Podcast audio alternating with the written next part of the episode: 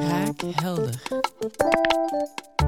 Welkom bij Kraakhelder, de podcast van Liantis, waar we een antwoord bieden op de meest gestelde HR-vragen. Vandaag bij ons in de studio Evi Sadikaris, disciplineverantwoordelijke psychosociaal welzijn. Dag Evi. Hey, dag Inge. Ik ben blij om er terug bij te zijn vandaag. Ja, fantastisch dat je er weer bent. En voor de luisteraars en kijkers die niet helemaal thuis zijn in het uh, koepelconcept psychosociaal welzijn, wat houdt dat eigenlijk allemaal in? Ja, waar dat we regelmatig vragen rond krijgen, mm -hmm. waar dat onze psyche, preventieadviseurs, psychosociale regelmatig voor gevraagd worden, is alles wat te maken heeft met um, verbinding en veerkracht op de werkvloer, eh, tegenovergestelde luik, conflicten, stress, mm -hmm. burn-out, dergelijke zaken. Dat zijn de aspecten waar dat we regelmatig voor gevraagd worden. Alright. En vandaag gaan we het hebben over uh, thuiswerken. Uh, sinds corona eigenlijk ingeburgerd in heel veel bedrijven en dan vooral ook de uh, grotere bedrijven.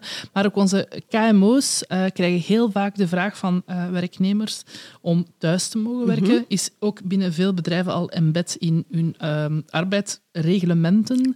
maar toch zijn er daar nog heel veel vragen over.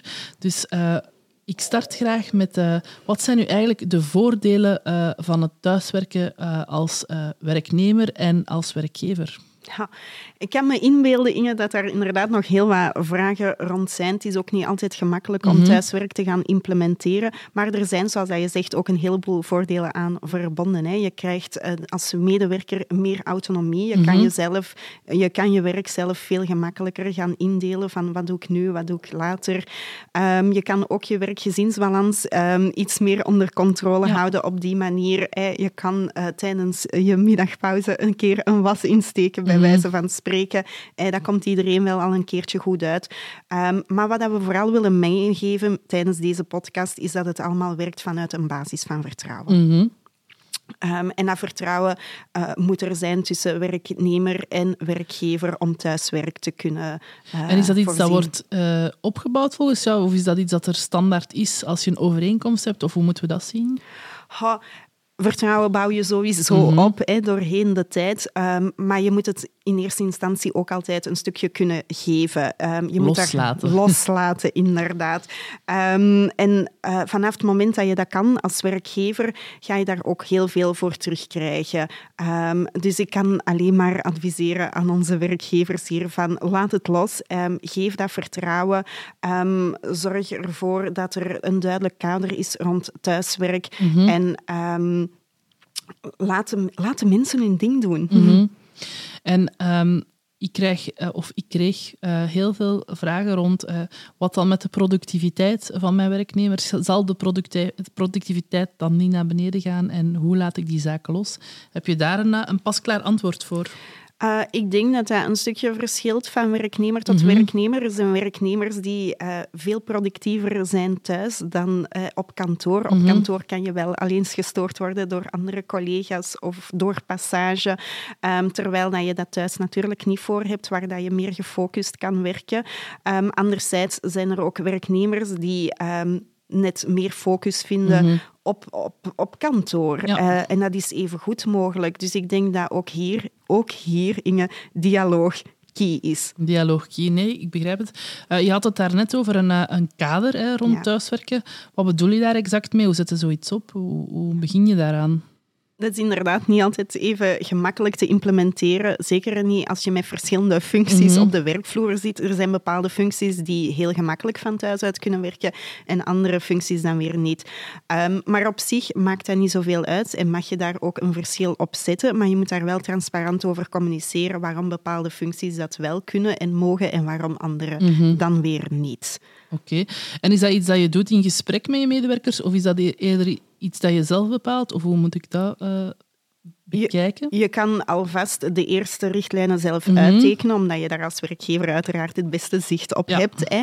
Maar het is wel belangrijk om daar transparant over te communiceren, in overleg te gaan. En als er dan inderdaad feedback komt vanuit de werkvloer, dat je daar eventueel ook wel rekening mee houdt, indien ja. mogelijk. Alright. Nu, je hebt mij volledig... Uh volledig overhaald. Ik ben helaas geen werkgever. uh, maar uh, voor de werkgevers onder ons, de luisteraars die mm -hmm. nog twijfelen, wat zijn zo je, je punten dat je nog even wil aanhalen? Ja, zoals ik al eerder had aangegeven, alles werkt vanuit een basis van vertrouwen. Mhm. En vertrouwen uh, stimuleert natuurlijk ook betrokkenheid, loyaliteit um, en um, goesting om die extraatjes te leveren. Ehm, dus je hebt meer betrokken medewerkers die na de uren ook wel eens dat, die ene opdracht voor jou willen meenemen of meepikken. dat zijn uh, de voordelen die je er als werkgever kan uithalen. Ik denk ook aan de War for Talent. Hè. Yes we zijn met heel veel uh, op de arbeidsmarkt. Heel veel werkgevers zoeken ook mm -hmm. talent. is het volgens jou ook een, ja. een must? en hoe kijk je daarnaar? Ja, absoluut. Ik denk dat er vandaag heel veel mensen vragende partij mm -hmm. zijn naar een evenwichtig werk-gezinsbalans. Mm -hmm. En thuiswerk hoort daar nu eenmaal bij. Um, het is ondertussen ook wel ingeburgerd. Ja, absoluut. Um, hè, bij de bevolking. Ze verwachten dat ergens ook wel van een werkgever, dat die optie bestaat, dat die mogelijkheid er is. Dus uh, je kan er beter maar vandaag alvast over even nadenken van hoe, dat je, zich, hoe dat je jezelf als uh, bedrijf of organisatie wilt um, gaan um, positioneren. positioneren klopt. We hebben daar trouwens ook een heel interessante uh, podcast over met Sarah Walraven over employer branding, dus ik kan die ook zeker aanraden.